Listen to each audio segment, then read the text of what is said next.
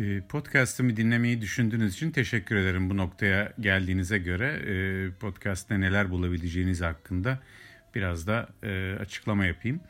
E, özellikle ses kayıtları bulunan bazı konuşmalarımı, radyo programlarımı, meslektaşlarım veya görüşlerine önem verdiğim kişilerle olan sohbetlerimi öncelikle podcast'ime yerleştiriyorum e, bir parça süreci anlamaya çalıştıktan sonra özellikle e, bu podcast imkanını kullanarak başka neler yapabileceğimi araştırıp belki bazı serilerde yapacağım.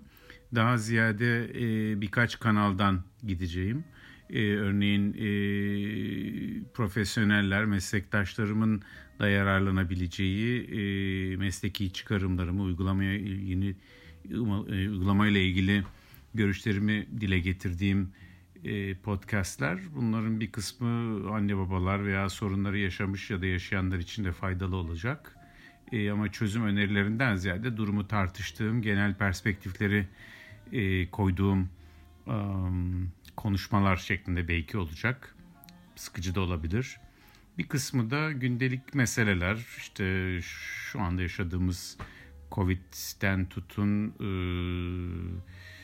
genel e, toplumda hissettiğimiz gariplikler, değişikliklere e, bunlarla ilgili e, bilimin bize gösterdiği ipuçları var mı bunu anlamak açısından bunları konuştuğum e, podcastlar olacak. Yani aslında yazılarımın belki birazcık daha rahat bir üslupla belki grameri çok düzgün olmayan e, bir şekilde dile gelmesi. Bir metin okumayacağım genellikle.